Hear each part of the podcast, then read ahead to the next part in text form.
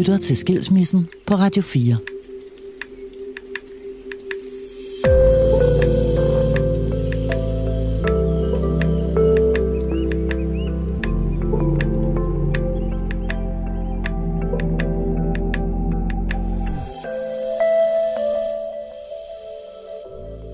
Jeg køber en, øh, en ny dobbeltseng, fordi hun har fået sengen. Og øh, jeg overgår ikke at slæbe den op i soveværelset på første sal. Jeg sætter den bare op midt i stuen. Og så bor jeg der i et halvt år, hvor jeg ikke laver noget som helst. Det her er Brian Mørk. Han er gæst i min kolonihave, og i denne episode af Skilsmissen. Brian Mørk er komiker og har været med i flere forskellige comedy-podcasts og tv-programmer på diverse kanaler. Han blev landskendt, da han deltog i programmer som Talegaver til børn, Comedy 8 samt Mørk og Jul. Derudover har han ageret vært på sit helt eget Brian Mørk Show, som først var et tv-program, og i dag er udgivet som podcast i mere end 100 episoder. Brian var i mange år gift med Sine, som han har tre børn med. Den ældste af de tre er ekskonens datter fra et tidligere forhold, som Brian senere adopterede. Men vi starter selvfølgelig Brians historie lang tid før skilsmisse kom på tale. Dengang Brian mødte Sine. Hej Brian, Goddag! og velkommen til mit lille kolonihavehus. Jeg er meget, meget glad for, det er mig, der takker. Hvor hyggeligt lille kolonihavehus. Det er helt sommerhusagtigt. Det er et lille sommerhus. Du har også prøvet at blive gift, og der synes jeg egentlig, vi skal starte og høre, hvordan du mødte din kone. Jeg var single og havde været det i et par år. Og vi var begge to på det, der hedder Dating.dk. Jeg ved ikke, om det findes stadigvæk. Nej, det ved jeg heller ikke. En Det slags, heller det var øh, før Tinder. Før Tinder, ja. hvor folk gik på dating.dk. Mm. Og øhm, jeg tror, hun havde været på en del forskellige dates med en del forskellige mænd, og hun var den første date, jeg var på. Øhm, jeg var ikke øh, super erfaren med, øh, med lækre kvinder på det tidspunkt. Nej, Og øh, jo, jeg havde været i forskellige forhold og sådan nogle ting, men øh, øh, jeg havde faktisk været mere single, tror jeg. Nørdet single. Mm. Lige begyndt øh, at have en karriere som stand-up-komiker. Fræse rundt og optrådte alle mulige steder, og så tænkte jeg, det kan da godt være, at jeg skal have en kæreste egentlig. Det har alle de andre. Og så gik jeg på dating.dk, og så mødte jeg hende. Tog på et par dates på forskellige caféer. Og øh, så var hun øh, ikke afvisende, eller faktisk var hun mere aggressiv, end jeg var. Men sådan er det altid. I alle mine forhold har jeg været, sådan lidt, Nå, for fanden er vi kærester nu? Åh, oh, fedt. Altid. okay, så du er den, der bliver scoret. Ja, ja, ja. jeg laver ja. ingen first moves, eller anden eller tredje moves, for den sags skyld. Det gør du ikke. Nej, det gør jeg ikke. Øhm, jeg synes, det på en eller anden måde er... Det faldt mig ikke engang ind. Jeg kan huske, vi var på øh, en af vores dates, hvor hun sagde, at øh, hvis du ikke kysser mig nu, så går jeg, sagde hun. Mm. Og så hvad fanden, er vi allerede dertil? Hvor, det var jeg overhovedet ikke klar over, at vi var nået så langt i, øh, i vores øh, forhold. Jeg tror godt, jeg kan læse signalerne. Jeg synes bare, at øh, jeg sidder og tænker, det kan jeg simpelthen da ikke. Det er da næsten for... Det kan jeg da ikke. Det våger jeg da ikke. Altså, hvad nu? Kan man gøre det allerede nu?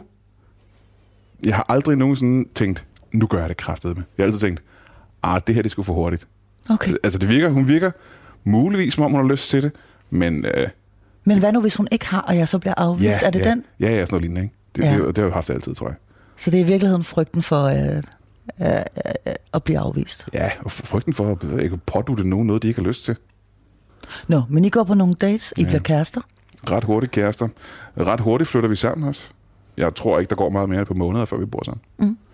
Øh, hun har en datter på to år på det tidspunkt, øh, som er magisk. Altså fantastisk. Jeg har på det tidspunkt sagt, at jeg skal aldrig, aldrig have børn. Tanken om at lave små kloner af mig selv var simpelthen frastødende. Jeg synes, det var modbydeligt. Og så er der den her sådan, så, smukke kvinde, som har en sød datter på to. Plus jeg havde sådan lidt en, øh, en øh, familiefarrolle, som jeg ikke havde set komme. Mm. Og som jeg ikke øh, havde forudset, at jeg ville synes var dejlig. Og det var den virkelig. Det kunne jeg rigtig godt lide. Brian er på det her tidspunkt i begyndelsen af 30'erne. Fra den ene dag til den anden er han blevet den familiefar, som han ikke anede, at han ville elske at være. Der går ikke længe, før Brian og hans kæreste bliver gift. Godt nok ikke af de mest romantiske årsager. Jeg har jo aldrig nogensinde været interesseret i det egentlig at være gift. Det behøver man ikke være for at være i en familie, tænker jeg. Men det var, øh, og det lyder virkelig uromantisk, men det var sådan lidt en skatteteknisk ting. Hvor jeg opdagede, at øh, vi kunne faktisk bruge hendes fradrag også, hvis vi blev gift. Mm. Og det opdagede vi sådan ret sent på året. Og så opdagede vi, at man skulle være gift inden nytårsaften, tror jeg, før man kunne trække det fra i skat for året før. Så jeg friede til hende ved at sige, øh, hvad der hvad? øh, vi kan faktisk trække det her fra. Skal, vil du gifte dig med mig, for så kan vi trække det her fra? Og så sagde hun ja. Og jeg ved ikke, hun har nok haft et mere romantisk billede af, hvordan en, en proposal skulle være. Hvordan, Ah, hun, øh, hun var ikke det lige, der var det der, hun gik og drømte om. men hun skjulte, det, hun skjulte det rigtig godt. Ja. Altså, det var som om, hun ville det gerne. Ja. Øhm, og øh, så havde vi øh, sådan lidt en panikhyr med at finde nogen, der kunne gifte os inden nytårsaften. Øh, og det lykkedes simpelthen øh, et par dage efter juleaften, tror jeg, det lykkedes det, øh, lige at skynde os op og blive øh, gift. Og der var ikke nogen gæster, der var ikke noget bryllup. Altså, der var de der vidner, der skulle være. Hendes far var der. Jeg havde min lille søn Darwin, der var en baby på armen, øh, da vi blev gift. Og, øh, og så samme aften tog jeg faktisk til Jylland og optrådte. samme aften, vi blev, øh, vi blev gift, tog jeg lige afsted til, jeg tror, jeg skulle lave talegaver til børn, det der indsamlingsshow i Aarhus. Og så det gjorde jeg samme aften. Det var en hyggelig, en hyggelig øh, honeymoon, kan man sige. Ej, men det har været så romantisk for hende. Men hun skjulte det simpelthen så godt, at jeg ikke havde en følelse af, at det, hvis det har, hvis det har, øh, har generet hende, så har jeg ikke været klar over det. I får to børn mere, så lige pludselig har I tre børn i alt. Ja, og så tænker vi sådan helt, eller jeg tænker, hvis vi skal være en rigtig familie med små børn, så, skal vi, så er vi nødt til at have et hus et eller andet sted med en have. Og så kører vi et hus i Kalundborg, fordi det er det, vi har råd til, meget langt væk. Og på det tidspunkt, der laver jeg tv i København hver dag og optræder om aftenen. Og jeg tænker, det, det kan godt være, det er fire timers transport dagligt, men det er, jeg, det er jeg klar til, hvis mine børn har en have og et mm. hus og sådan nogle ting. Så, altså, mm. så kan de hygge sig derhjemme, mens jeg er væk. Øh, det, skal, det skal nok gå godt. Og din kone er hjemme. Det er er- ligesom hende, der har den Hun er derhjemme. Hjemmegående husmor, ikke? Brian øh, farter frem og tilbage til, øh, til København og Ja. arbejder. Jeg er næsten aldrig hjemme. Det er her, det begynder at halte og vakle rigtig meget. Fordi selvfølgelig har vi været, haft masser af kontroverser, ligesom alle mulige andre mennesker har. Men det her, det begynder at halte helt voldsomt, hvor jeg tager afsted om morgenen hver dag, inden de er vågnet, øh, for at tage toget til København. Og så laver jeg tv. Og de dage, hvor jeg kun laver tv, der er jeg hjemme igen, øh, efter børnene er lagt i seng igen.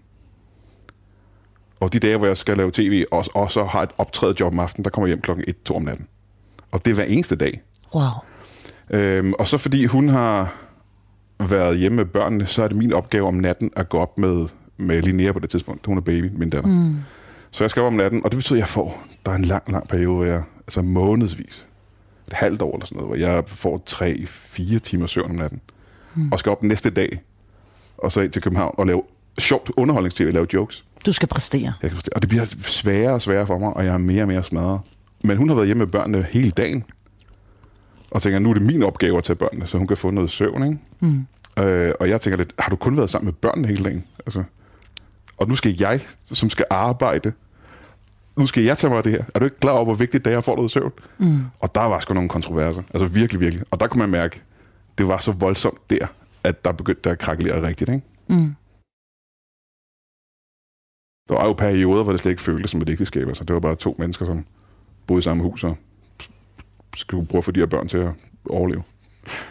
Så det blev sådan et praktisk samarbejde? Altså sådan noget, hvem gør hvad, hvornår? Jamen, det føltes ikke engang som et samarbejde egentlig. Det føltes mere som, at jeg bare var skaffet penge, øh, og så brugte hun penge, fordi hun, ja, hun købte jo ting til børnene, mm. og købte mm. ting til huset og sådan noget. Ikke? Øhm, så jeg følte, at jeg aldrig var hjemme, og jeg bare puttede penge ind i et hus for nogle børn, som jeg aldrig så, der skulle overleve. Ikke? Og jeg, jeg var misundelig på hende, og hun var misundelig på mig. Altså, hun ville jo gerne have været ude og have sin egen karriere, sit eget job, og hun havde et billede af, at jeg var ude og leve livet. Ikke? Altså, det var skægt for mig at være, lave tv, og være ude og optræde et eller andet sted med mine kollegaer. Hun troede, det var fest og glade dage og damer. Ikke? Og jeg sad og tænkte, kæft, jeg har lyst til bare at sidde hjemme med børnene. Altså. Det er det eneste, jeg har lyst til.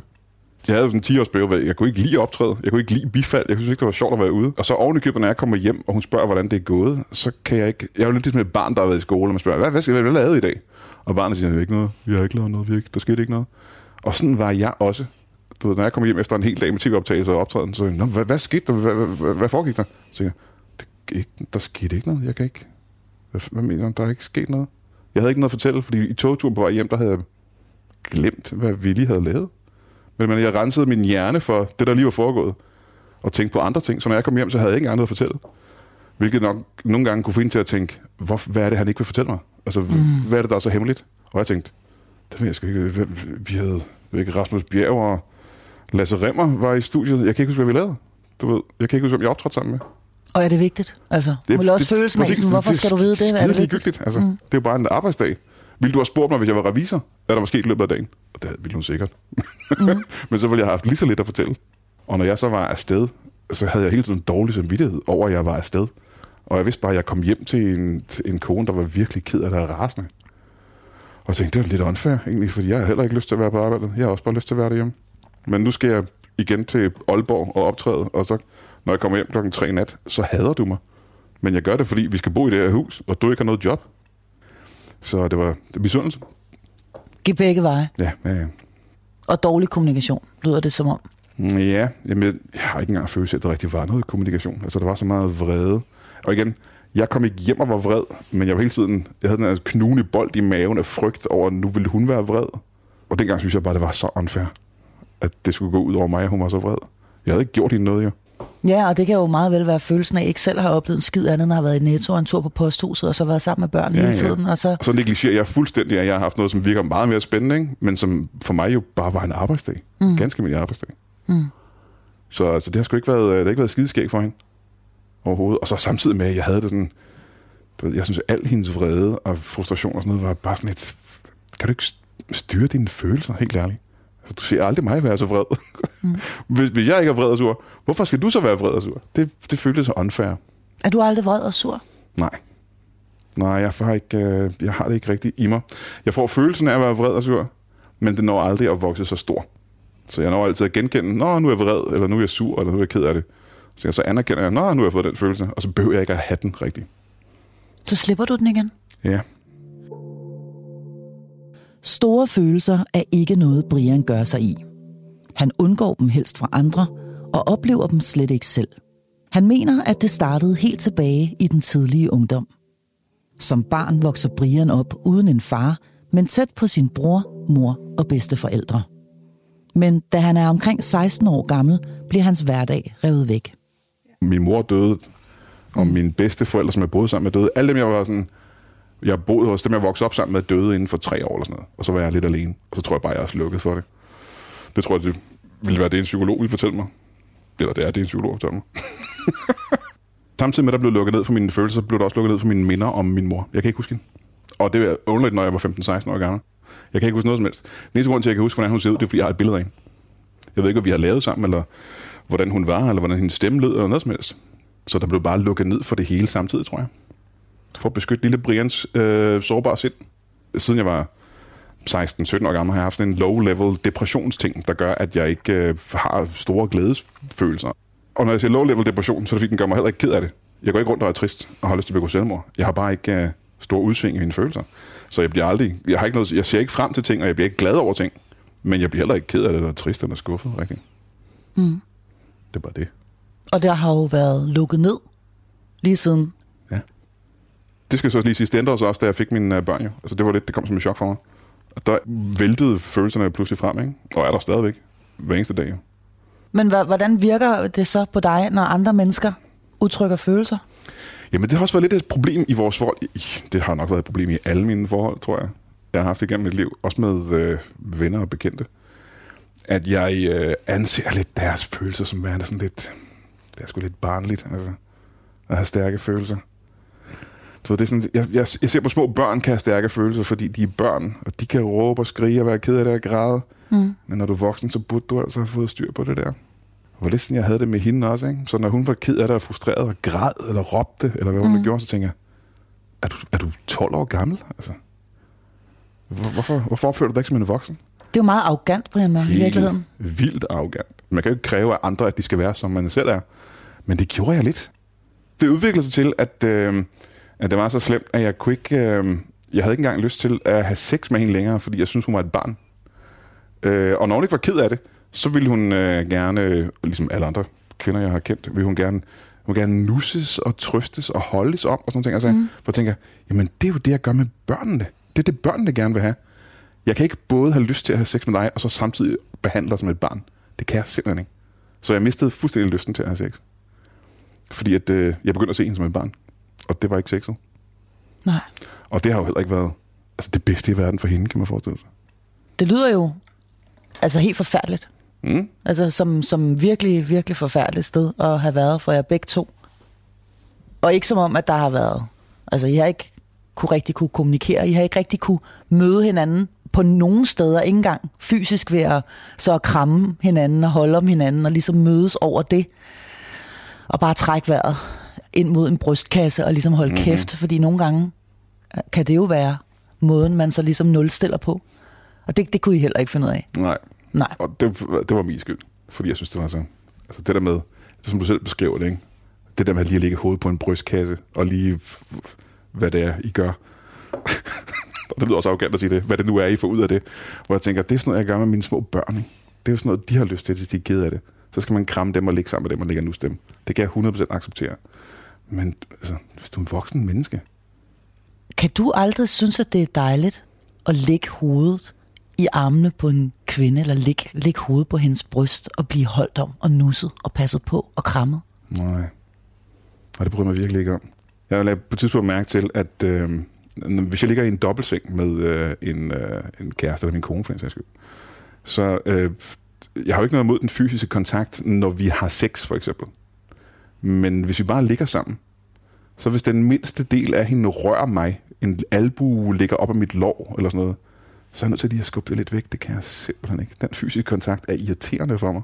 Og så kan jeg lige sige, at jeg har jo ikke kun problemer med, øh, med kvinder. Jeg har da også, hvis jeg har venner, som for eksempel, som viser for store følelser, eller jeg har venner, der gerne vil snakke, mm. tale, mm. hvis de har deres egen problemer. Nu er det meget sjældent, at mine venner, mandevenner, taler. Men de få gange, det skete i mit liv, at de gerne lige vil snakke om deres personlige problemer, og jeg tænker, seriøst? Altså, har du virkelig brug for at sidde og lufte dine personlige problemer over for mig? Altså, er du ikke selv voksen? Så, så jeg har samme problem med mænd, altså, der har for store følelser. Eller mænd, der ikke kan styre deres vrede, for den sags skyld. Eller mænd, der øh, taler højt, eller skændes med deres koner offentligt. Altså, hvis du ikke kan styre dine følelser, så ser jeg bare automatisk en lille smule ned på dig. Og, øh, og det ved jeg er forkert, men det er bare sådan, jeg har det jo. Altså, det, er, det er ærgerligt. Det er tragisk. Jeg er ked af, at jeg har det sådan. Jeg har ikke det problem med mine børn. Eller med hundene, for den sags skyld. Altså, de kan jo ligge hen over mig og sove. Men en anden voksen person, der rører mig, det bliver simpelthen for irriterende. Det, det synes jeg er for, for tæt på en eller anden mærkelig måde. Det bliver for intimt. Ja, jeg ved ikke. Det, ja, det, det er min krop, det. Jeg kan da ikke lide at få massage for den sags skyld. Det, det, det er også underligt. Du skal ikke røre ved min krop. Mm. Det er for underligt. Så, så nej, jeg har ikke øh, det der behov eller lysten i det. Jeg kan sagtens forstå, hvorfor andre har- det. Fordi vi er, vi er dyr, og vi har brug for den fysiske kontakt. Men jeg har det bare ikke. Altså. Og så synes jeg, det er sådan lidt for... Ja, det er lidt for børneagtigt, ikke? Det synes jeg faktisk stadigvæk den dag i dag. Det er jo ikke noget, jeg bare kan lide fra mig. Øh, selvom jeg godt er klar over, at det er forkert. Men det, det synes jeg altså, det er. Ja, børneagtigt er en nusse. Det er sådan, man gør med hunde og børn. Du er blevet nusset for lidt, Brian. Ja, men det skal lige sige. Mig og min øh, bror, vi er ikke, øh, vi er ikke blevet nusset. Er I ikke det? Nej, vi er ikke fra en kramme familie, lad mig sige det sådan. Vi er ikke fra en ondskabsfuld familie overhovedet. Masser af kærlighed og sådan noget. Mm. Bare ikke lige fysisk. Det var først, da jeg gik i gymnasiet. Da jeg begyndte i gymnasiet, der ville alle jo, der krammede alle alle. Og så var jeg ligesom nødt til at lægge det fra mig, og så begynde at kramme folk. Men, øh, og det er altså, i min branche er det svært ikke at kramme folk. Alle krammer hinanden i mediebranchen hele tiden. Det er mindre, der er corona. Men mindre der er corona, som faktisk ikke har gjort mig det mindste, det jeg synes var fint. Mm. Øhm, Ja, det kan jeg næsten regne ud. Så slap du for det. Ja, præcis. Men min bror, han er jo stadig det der, hvor han, ikke- han nægter simpelthen at kramme folk. Og det er jo bare vores barndom. Det føles lidt for intimt. Mm. Ja, det føles for nært, simpelthen. Om jeg lagde godt mærke til, at jeg fik hånden, da du kom ind. Det er øh, de færreste kreative mennesker, der giver hånd. Ja, Brian har det svært i det forhold, som helt tydeligt ikke fungerer. Alligevel fylder tanken om skilsmisse ikke hos ham, men det gør den hos hans kone. hele vejen igennem, der går jeg og tænker, det, at, at det er synd for mig, ikke? fordi at hun tror, ja, hun er jaloux på mit liv, og hun tror, jeg er sammen med kvinder i Jylland, og alle de her ting, jeg ikke fortæller om. Mm. Og jeg tænker, det kan simpelthen ikke være rigtigt. Det er super unfair, at hun skal være så led og hård over for mig. Mm. Og hun har bare været ked af det. Altså, hendes liv har bare været... Hun har haft ambitioner og ting, hun gerne vil med sit liv, som ikke er blevet til noget som helst. Jo. Fordi hun er gået hjem med mine børn. Og jeg går og tænker, hvorfor fanden har du så ikke fået et job? Altså, hvorfor, jeg er jo nødt til at arbejde. Hvorfor går du ikke ud og får et job? Så kan jeg gå hjem med børnene. Ender I så der, og du må sige, hvis det er for personligt at spørge om, men ender I så der, hvor I sover i hver jeres værelse, og, altså hvor I ligesom også sådan fysisk adskiller jer under samme tag, eller? Nej, jeg tror faktisk, vi, er, nej, vi deler stadigvæk seng. Du ved, men vi har øh, lille Linnea liggende imellem os i sengen, ikke? Og, s- og det er vi også nødt til, for jeg skal op hele tiden med hende om natten. men der er ikke meget venskab tilbage, altså, overhovedet. din kone meddeler dig, nu vil hun skilles. Hvordan foregår det? Kan du huske situationen? Jeg har et billede af, at jeg har givet hende ideen til det. Fordi på uger forinden er jeg kommet hjem, og har, jeg er så sindssygt træt. Jeg kan næsten ikke øh, stå op, så træt af jeg.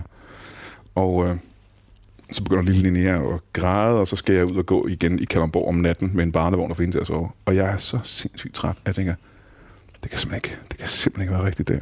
Og så spørger jeg, er der nogen mulighed for, at du kan gøre det? Som jeg husker det. Og så skubber øh, min ekskone, lille Linnea, meget hårdt igennem sengen over til mig. Hvor jeg tænker, det, det kan man da ikke. Du kan da ikke skubbe et lille barn så hårdt over til mig. Og hun skadede ikke barnet overhovedet. Det var en blød seng. Men det var så hårdt et skub, at jeg bare kunne næsten føle had. Der var had i det skub, ikke? Og at hun brugte en lille baby til at vise det had. Det, det rystede mig, kan jeg huske. Det rystede mig så sindssygt, at jeg sagde, skal vi skilles? Og så gik der flere uger, hvor så havde jeg glemt det. Men det havde hun ikke glemt. Øhm, og så ligger vi igen i sengen og skændes en eller anden nat, hvor hun så siger det, tror jeg. At hun vil, jeg tror, det er sådan lidt der, at hun siger, at vi skal skilles, vi skal skilles.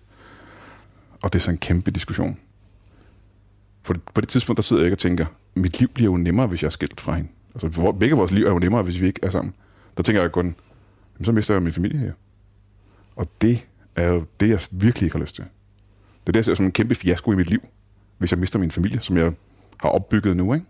Har jeg skulle alt det her lort igennem, for at få familien til at køre og fungere og få glade børn, for at det bare skal smides ud, og jeg mister dem. Det ramte virkelig hårdt. Brian siger ordet først, men det bliver hans kone, der gør alvor af det. Selvom ægteskabet har været dårligt længe, kommer det bag på ham. Men hun har tænkt tingene igennem, og hun har en plan for, hvad der skal ske, så snart hun får sagt højt, at hun vil skilles. Hun har fundet et andet sted at bo i et, øh, en lille landsby uden for Kalundborg, og det ser hun frem til. Hun havde også tænkt, øh, du ved, jamen, der er andre mænd derude, der synes, jeg er lækker, og som vil behandle mig bedre end Brian gør. Og øh, jeg får børnene. Det er all win-win for hende, ikke? Og jeg så tænker, Hvad, så mister jeg jo det hele. Øh, og så, du ved, hun har allerede planlagt ting som, at øh, så får jeg børnepenge, og så skal han betale hustrubidrag og sådan noget ting. Og jeg tænker, shit. Jeg blev siddende i huset, fordi jeg er den eneste, der har muligheden for det. Hun flytter ud med ungerne. Og der bor hun ude i et, et halvt års tid, eller sådan noget, hvor jeg bor alene i det store tomme hus, ikke? Øhm, og har det dårligt. Jeg er ret ked af det. Jeg køber en, øh, en ny dobbeltseng, fordi hun har fået sengen. Og øh, jeg overgår ikke at slæbe den op i soveværelset på første sal. Jeg sætter den bare op midt i stuen. Og så bor jeg der i et halvt år. Foran fjernsyn nede i stuen, i min dobbeltseng. Først efter et halvt år, jeg tænker, jeg må hellere flytte op i mit soveværelse egentlig. Men så bor jeg bare inde i min stue, i min dobbeltseng, i, øh, ja, i månedsvis, hvor jeg ikke laver noget som helst. Jeg står jo nok op forholdsvis sent om morgenen, når solen skiller mig i hovedet, for de gardiner, jeg ikke har givet at sætte op. og så finder jeg nok noget af det tøj i den der bunke af vasketøj over i lænestolen derovre, hvor der bare ligger alt muligt tøj, der skulle have været i en skuffe eller i et skab, som bare ligger i bjerg.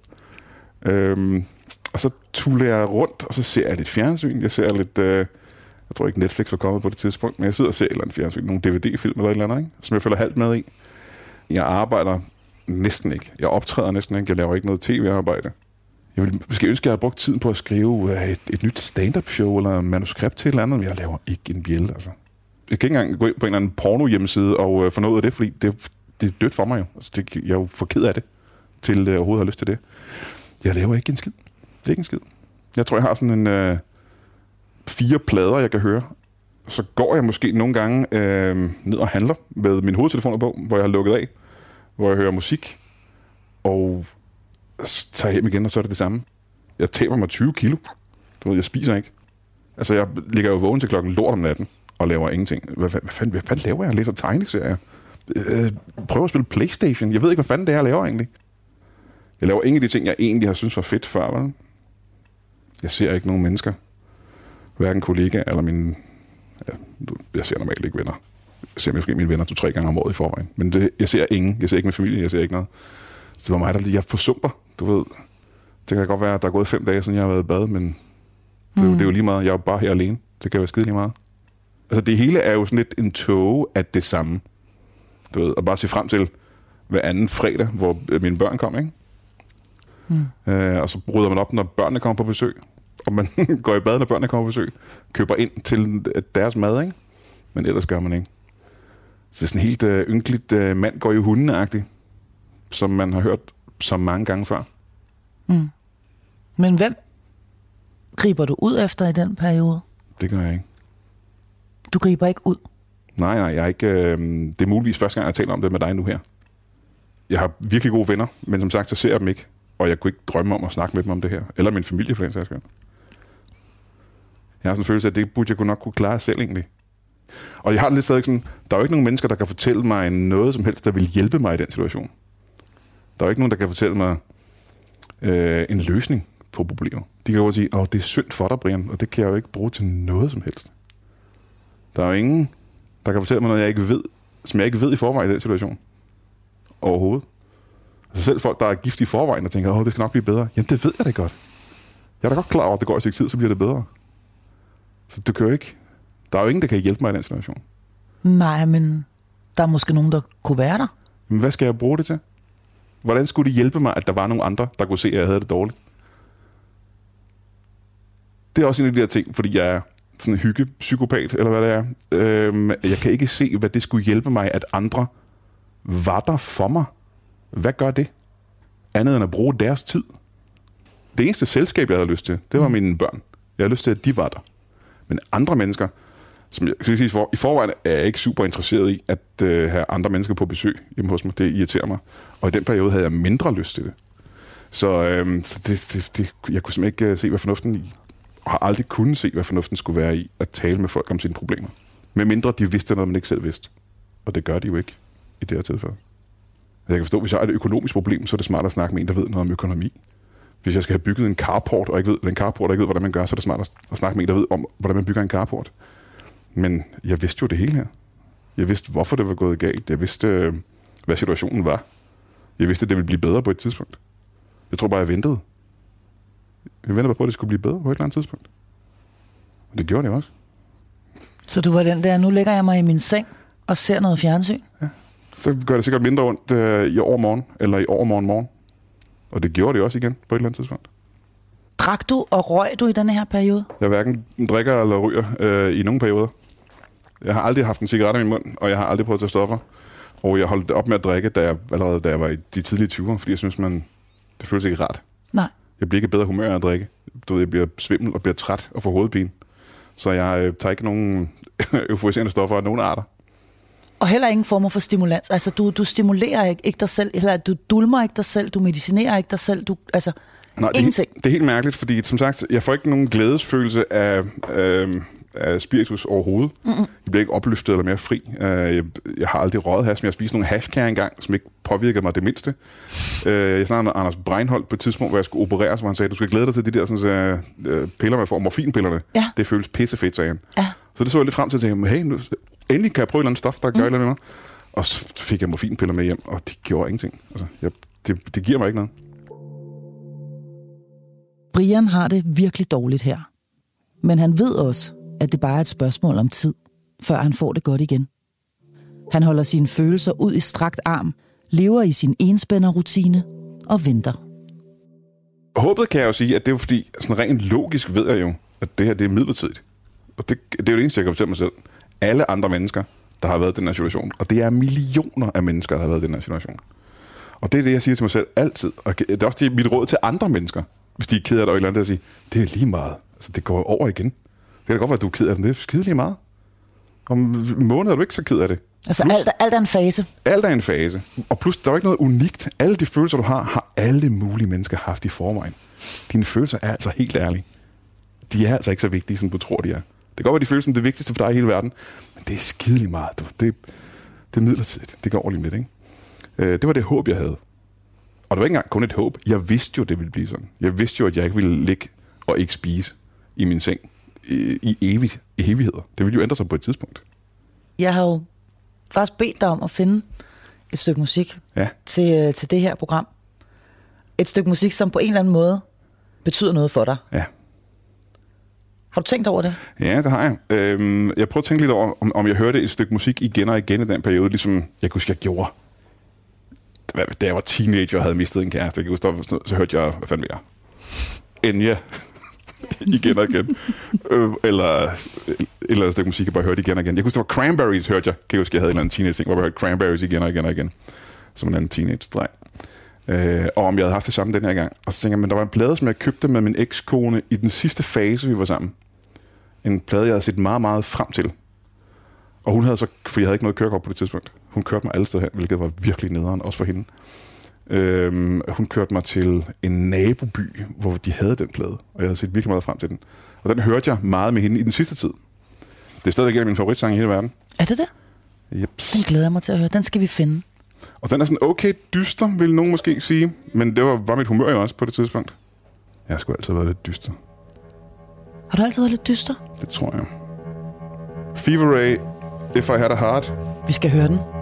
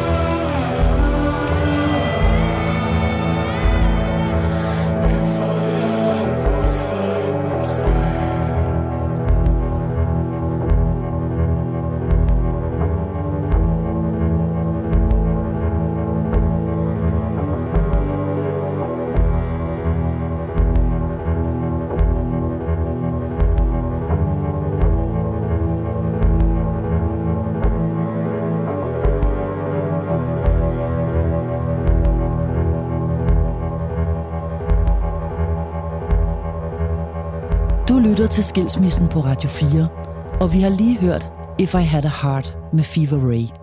En sang, Brian Mørk selv har valgt til programmet.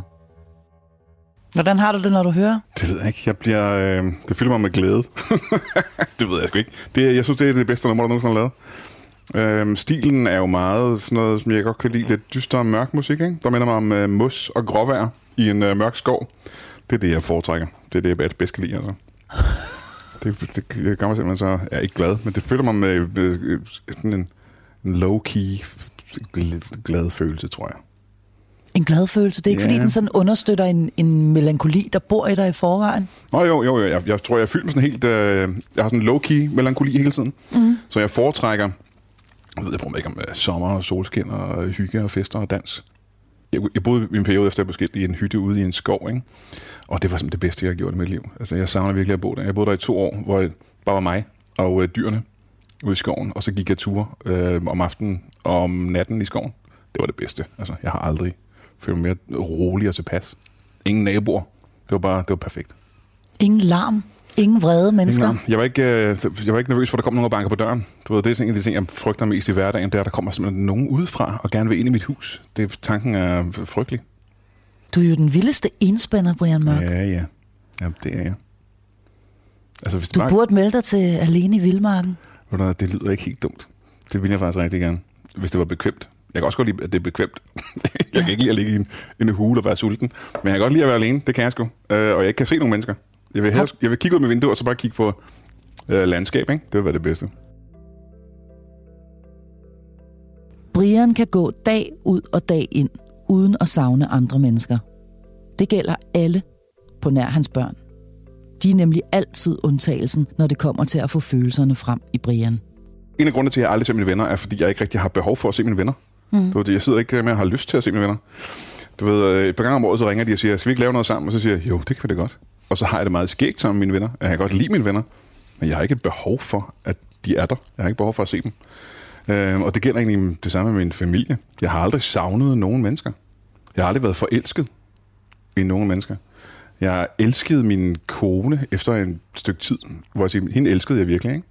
Øh, det vil sige, det troede jeg, jeg gjorde, indtil jeg så fik mine børn og mødte dem. Og så tænkte jeg, nå, det er det her, kærlighed er. Ah, okay. Nu kan jeg genkende den fra andre mennesker. Men øh, jeg har ikke oplevet den før med nogen overhovedet. Og jeg er også den me- mest asociale af alle mine kollegaer. Du ved, de mødes og hænger ud og tager ind og ser hinandens shows og danner venskaber og den slags. Ikke? Og jeg har ikke øh, nogen rigtige nære venner i branchen heller. Altså, fordi jeg har ikke brug for det. Eller jeg har ikke lyst til det. Det falder mig ikke ind, tror jeg heller, jeg vil sige. Det er ikke sådan, at jeg sidder og siger, dem har jeg ikke brug for. Jeg, I løbet af en dag tænker jeg bare ikke en eneste gang, måske skulle jeg mødes med nogle mennesker. Er det synd for dig, Brian? Nej, jeg har det jo ret godt med det. Du efter et show bliver jeg heller ikke hængende efter min, med mine kolleger. Jeg skynder mig bare hjem med mine børn. Du ved. Jamen, skal, skal vi ikke øh, mødes efter showet, så kan vi hænge ud øh, og lige få øh, på en café i Aarhus efter showet, inden vi kører hjem. Og så siger nej, jeg tror bare, jeg kører hjem til mine børn. Du. Det vil jeg hellere. Det har også været et kæmpe handicap for min karriere, fordi jeg ikke har nogen ambitioner. Øh, jeg, mine kollegaer har altså ambitioner om at lave det næste show, og det næste show, og det næste show, og blive større og større og større. Og jeg er sgu sådan lidt ligeglad, altså. Så, så længe jeg kan betale huslejen, så er det sikkert fint. Så længe der er mad på bordet til mine børn, så er det i orden. Så ja, du ved, jeg gider ikke at lave et nyt one-man-show. Nu har jeg så et one-man-show, men det er det første efter... Det er 10 år siden, jeg har lavet et one-man-show, ikke? Og mine andre kollegaer gør det jo en gang om året.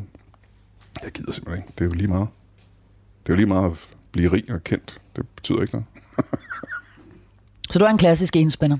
Ja, ja det tror jeg nok. Eller det må jeg jo næsten være. En, en semi low-level deprimeret.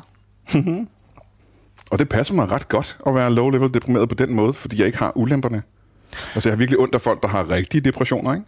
Og det, det gør ikke ondt på mig. Jeg er jo ikke ked af det. Men er du så ikke omvendt misundelig på dem, der bliver fuldstændig sindssygt forelsket, for eksempel, og flyver helt op og på en lyserød sky? Nej. Og det er faktisk ikke, fordi nu, jeg kan jo se udefra de her mennesker, der har de her følelser. Og det føles aldrig. Det føles en lille smule sindssygt, synes jeg. Det føles lidt vanvittigt.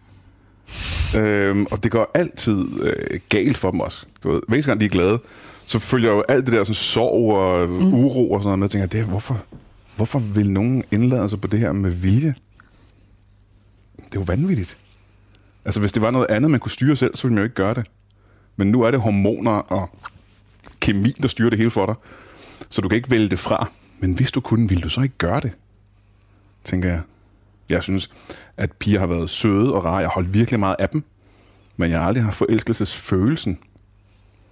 Og jeg har også lagt mærke til, efter jeg har været sammen med dem, at øh, hvis jeg ikke har set dem i en periode, så har jeg ikke savnet dem. Altså hvis de er på ferie, det er ikke sådan, at jeg har lyst til at være sammen med dem egentlig. Hvilket kan lyde underligt, fordi når jeg er sammen med dem, så kan vi have det super rart. Mm. Og vi har det skægt, og oplever sjove ting, og mor os og hygger os og tager på ture, og hvad fanden vi ellers laver. Men hvis de ikke er der, så savner jeg dem egentlig ikke. Det er jo kun mine børn, jeg nogensinde har oplevet at have brug for at være i nærheden af mig. og jeg har savnet. Aldrig med andre mennesker.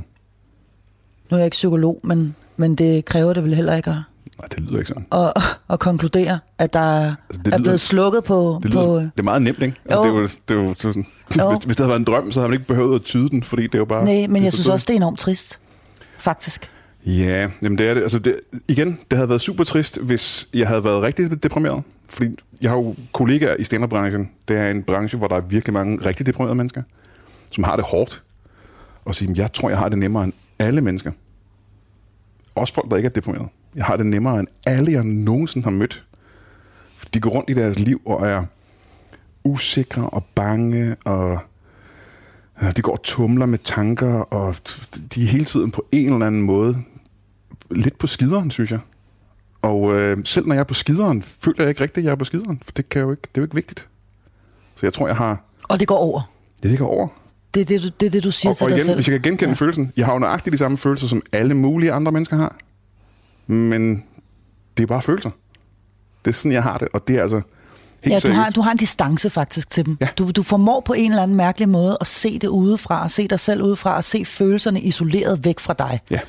Og det er, jeg er ikke psykolog, men det er usædvanligt, tænker jeg. Det er meget usædvanligt tror at, er. at kunne det, ikke at blive øh, opslugt Ja. af sine egne følelser, ikke at, at, at synke, synke helt ned eller ryge helt op. Ja, ja. Øhm, men, men det kan jeg da godt se også øh, i en eller anden form af, af, en, form for, af en form for gave. At, at så slipper du for det bøvl. Ja, det den følelse, jeg har i hvert fald. Ja. Jeg tænker, jeg har det virkelig nemmere. Og så er der jo ingen grund til at have ondt af dig. Nej. Hvis det er sådan, du selv har det. Præcis. Altså, altså, Jamen, det er jo okay. folk, der sidder... Det er jo meget oftest øh, de kærester, eller mm. mine ekskoner, det mennesker, jeg har været tæt på, der har haft den her følelse af, at jeg går glip af noget, ikke? eller at jeg ikke øh, på en eller anden måde har lige så meget på spil, som de har. Og det er jo rigtigt. Det er fuldstændig rigtigt. Altså, det, er jo ikke, det bekymrer mig ikke. Om, ja, altså, jeg er ikke... Jeg har måske jeg har jo ikke følelserne med i det på samme måde, som de har. Jeg er ikke det samme på spil. Det har, Nej. jeg ikke. Det har jeg jo ikke. men Brian Mørk, er det ikke i virkeligheden, fordi du ikke tør? Øh, jo, jo. Jeg tør ikke, fordi det er for besværligt. Der er for meget pis og lort. Jamen, det, du tør heller ikke, fordi du blev for ked af det sidste gang. Nej, fordi det gik jo så også op efter mig. Det gik op for mig efter et stykke tid efter skilsmissen, at jeg jo ikke var ked af at miste min ekskone. Jeg var ked af at miste min familie. Det var det, der var det sørgelige. Det var det sørgelige, at jeg kun nu var weekendfar. Eller hver anden weekendfar, ikke? Der er ingen tvivl om, at børnene er det allervigtigste i Brians liv. Som Brian fortalte i begyndelsen, regner han ikke med, at han vil have børn, da han møder sin ekskone. Men hun har sin toårige datter med ind i deres forhold, og Brian oplever en kærlighed, som han aldrig har oplevet den før. Det kom som et veritabelt chok for mig. Gjorde det det? Ja, det gjorde det virkelig. Fordi jeg kunne ikke huske, hvordan øh, store følelser var. Og så pludselig, og det startede jo med hende, øh, jeg øh, har adopteret, ikke? Mm. da hun var to år gammel, hvor jeg tænkte, hvad sker der her? Hvad er det, jeg føler nu? Du ved, hvorfor er det så vigtigt for mig, at hun har det godt? Det var meget mærkeligt. Altså, det er jo hendes skyld. Hun er jo skyld i, at, hun har, at hendes to søstre er i live, simpelthen. De havde jo ikke eksisteret, hvis ikke jeg havde mødt Alicia. Så det gav mig jo lyst til at sige, okay, det her skal jeg fandme have noget mere af, du. Er du mm. sindssyg? Det føles meget rart. Den der følelse af så rå kærlighed. Så det, det vil, jeg, jeg vil sgu gerne have flere børn, egentlig, tror jeg. Kunne du finde på det i dag? Nej, for der Nej. er jo altid en mor med i spillet, og det orker jeg simpelthen ikke. jeg vil virkelig gerne have børn. Øh, flere børn, fordi det er så pissefedt. De er magiske. Mm. Altså. Men øh, altså, jeg har jo ikke, øh, jeg har ikke begyndt at date, efter jeg blev skilt for 11 år siden. Jeg har ikke været, jeg er ikke sammen med kvinder. Jeg har ikke været for at finde en ny kæreste. Fordi at, øh, det er meget, meget nemmere at lade være. Altså, virkelig. Alt i mit liv har været nemmere de sidste 11 år, end det har været før. Fordi at der ikke er nogen til at give mig dårlig samvittighed, eller jeg har ikke ansvar over for andre end mig og mine børn. Det er pissefedt. Altså helt seriøst. De sidste fire år har jeg været fuldtidsfar. De flyttede hjem til mig børnene. De er simpelthen flyttet hjem til dig? Ja, ja, ja. De var sammen med deres mor, da de var små, og nu er de blevet større, og nu bor de hos mig. Og det er jo, altså, så har jeg jo ikke rigtig brug for mere, egentlig. Det var fint. Hvad skulle en eller anden, altså bortset fra sex, hvad skulle en eller anden kvinde kunne ændre og gøre det bedre for? Måske når mine børn flytter hjemmefra, og jeg er øh, 65, kan det være, at jeg kan finde sådan en øh, gammel kæreste, vi kan så hygge os sammen, eller et eller andet, men lige nu har jeg jo ikke brug for det. Altså. Det er sådan en vægtskålsting, ikke? hvor man tænker, men Brian, du, altså, og der var jeg, jo, jeg var jo i 30'erne, da jeg fravalgte kvinder, ikke? Ja, det er tidligt. Det er tidligt, og man kan sige, at de fleste de når jo op omkring 80-årsalderen, før de, de Ja. tager den form for øh, Ja, ja. drastiske beslutninger. Og det er også det, folk siger, du, du er for ung til bare at være single. Altså, du må da, hvad med sex og sådan noget? Jeg tænker, jamen, det er igen vægtskålsting. Jeg har jo lyst til alt det der, man har lyst til. Men det er for besværligt. Altså, der følger for meget negativt bras med, til at jeg orker det, simpelthen. En af grundene til, at jeg bare har spist mig tykkere og tykkere de sidste 10 år, det er for at kunne... Fordi jeg ved, på et tidspunkt vil jeg blive forliderlig til ikke at mødes med en pige og date hende. Så tænker jeg, jamen, jeg er nødt til at spise mig så tyk, at jeg ikke kan byde en kvinde det. At jeg ikke ville kunne være sammen med en kvinde. Fordi ellers bliver man forliderlig på et tidspunkt og går på dates med en eller anden, og så pludselig, pludselig er man bare i et forhold igen. Og så vigtigt er sex heller ikke, altså. Det er det virkelig ikke. Jo, jeg savner det helt sindssygt, men det er ikke så vigtigt. Egentlig. Det, Det, det, det, det, tror jeg ikke, jeg kan give dig ret i, men... men, men øh, Det er heller ikke hver dag, jeg giver mig selv ret i det, skal det lige siges. Der er dage, hvor jeg tænker, hvad laver du? Din kæmpe idiot. Fordi pussy nok, kvinder er jo stadigvæk super tiltrækkende, skal du lige vide. Vanvittigt tiltrækkende. De er kæmpe spændende, mm. men de er simpelthen også for besværlige. ja, kvinder er besværlige. Det er, vildt, kan jeg godt fortælle dig, det er mænd også. Men det er jo også... Et eller andet sted er det jo også øh, enormt livsbekræftende og smukt og skønt og vidunderligt og øh, have lyst til at være nøgen sammen med en af det modsatte køn, eller er det samme køn for den sags skyld, altså. Øh, og, og få sommerfugl i maven, hvis man ellers kan få det. Og, øh, og alt det der, det afskærer du jo også dig selv fra, kan man sige. Jamen det er igen, det er vægtskålen. Mm. Altså, hvad, Der hvad, er simpelthen for meget. der er simpelthen for... I mit liv har der været for meget negativt i at skulle være i et forhold, end der har været gode ting, synes jeg. Ikke? Mm. Og så tænker jeg, det kan jeg jo det kan jeg slippe for, heldigvis. Så altså resten af livet er jo ret fedt. Men får du ikke enormt mange tilbud, når du er ude og optræde? Du står der, og du er pisse lækker mand, og du er sjov, og du er alt muligt, og der må der komme masser af kvinder, der gerne vil... Eller, eller hvad? Afviser du dem så, eller, eller, hvad, eller hvad gør du? Ja, ja det, det, og det er faktisk blevet nemmere og nemmere. Du ghoster dem? Du lader være at svare dem? Eller hvad, Nej, hvad, hvad jeg, gør du? jeg siger, øh, og jeg har dårlig samvittighed hver gang, for jeg føler mig som et røvhul på en eller anden måde. Ikke? Men det er bare den typiske, ved du hvad, jeg øh, har ikke øh, datet nogen i øh, 10 år, og jeg kommer nok ikke til at gøre det forløbig. Og jeg er i gang med at æde mig ihjel. Det fortæller jeg dem ikke, men, det er jeg jo. øhm, så, der, så afvisning er faktisk meget nemt, men jo, der er masser af tilbud. Øhm, men, og det er lige meget, i, hvor tiltrækkende eller spændende de virker, så er det jo bare sådan en slags, hvad kan de tilføje til mit liv? Som kun er, der er jo for meget negativt. Det er simpelthen, jeg ved bare i forvejen, kan jeg sige, jamen så er de, de har sådan nogle underlige behov. jeg kan ikke byde dem at være i et forhold med mig. Det vil være synd for dem. Det har de ikke fortjent. Jeg Nå, kan jo ikke... Nu er vi i virkeligheden måske inde ved det, det drejer sig om. Nej, men det er fordi, de har jo alle de her behov, som de skal have. De er helt normale kvinder. De opfører sig præcis som kvinder skal opføre sig.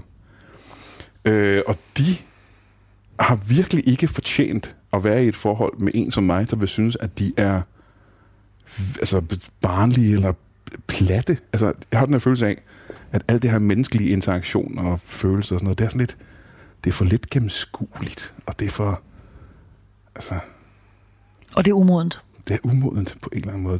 Der- Deres problemer er altid for små, synes jeg. Menneskers problemer er altid for små problemer. Og de fylder for meget i deres hoveder. Ikke? Det er altid, så skal jeg tage stilling til, at de er uvenner med deres mor, eller der er problemer på deres arbejde, eller et eller andet. Og tænker, det er jo fuldt, det er jo ligegyldigt. Fordi jeg synes, det er ligegyldigt i mit eget liv. Men hvad er så vigtigt? I mit liv, Nej, hvad er vigtigt, hvis ikke at følelser er vigtige? Hvad er så vigtigt? jamen, jeg har jo stadigvæk følelserne, og de er stadig vigtige. De er bare ikke alt overskyggende. Så man kan sige, når jeg har et... Øh, mine følelser... Nej, mine følelser er ikke vigtige. Det er også, du kan ikke sove mig. Der er ingen, der kan sove mig. jo. Jeg tror måske mine børn, hvis de prøvede, når de blev lidt ældre, og sove, de prøver også at sove mig nu, men det lykkes ikke. Men øh, måske ville de kunne sove mig en skøn dag, men der er jo ikke andre, der kan. Du kan jo ikke... Øh, så jeg har været i flere shitstorms, hvor folk prøver ihærdigt at gøre mig ked af det, men det kan det er jo lige meget, hvad folk siger. Fordi mine følelser er, er ligegyldige. Det, det er følelser.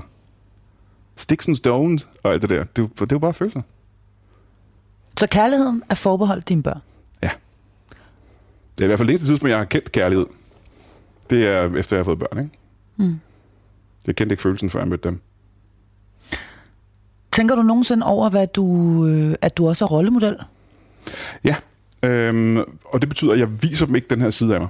Jeg er ret opsat på, at de skal få normale liv. Alle tre, ikke? Jo. Altså jeg vil gerne have, at de går ud, og de... Altså, de er allerede...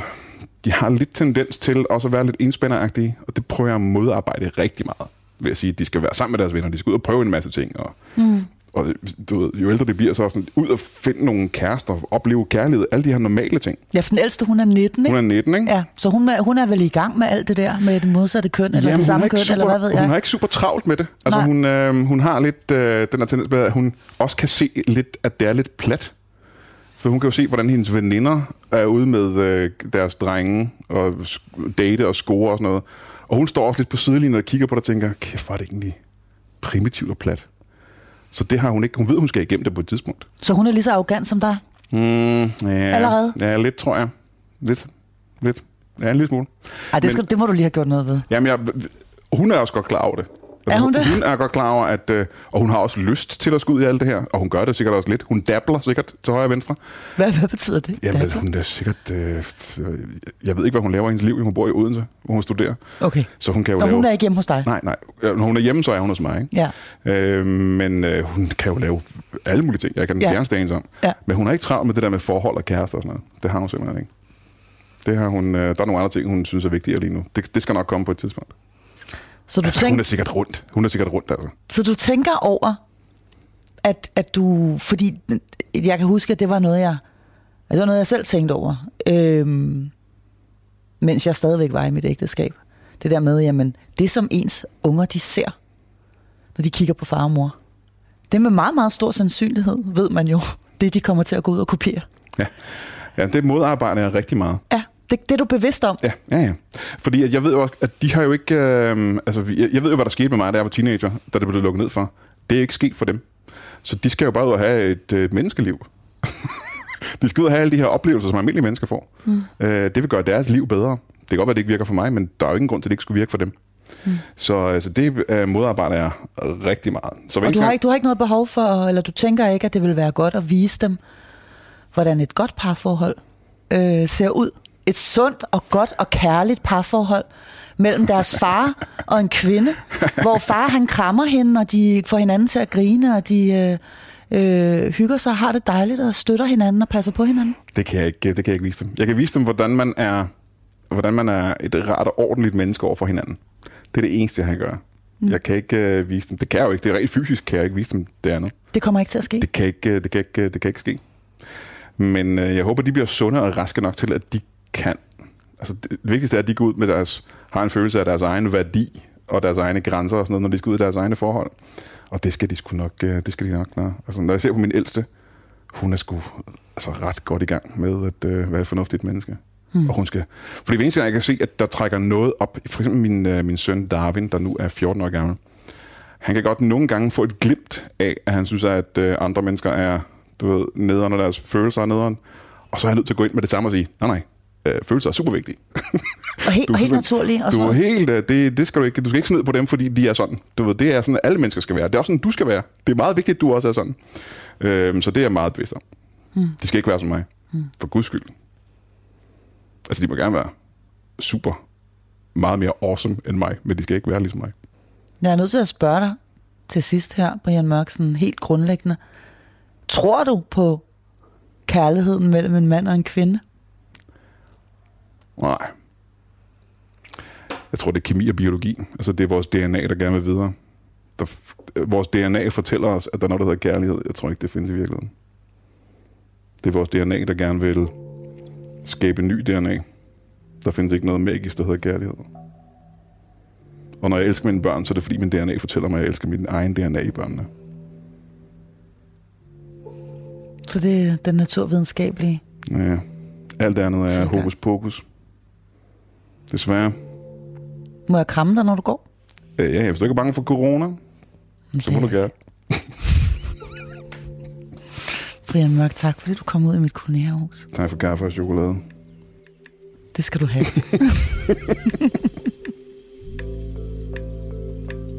du har lyttet til Skilsmissen. Serien er produceret for Radio 4 af Beam Audio Agency. Mit navn er Marie Sloma Kvartrup. Vi lyttes ved.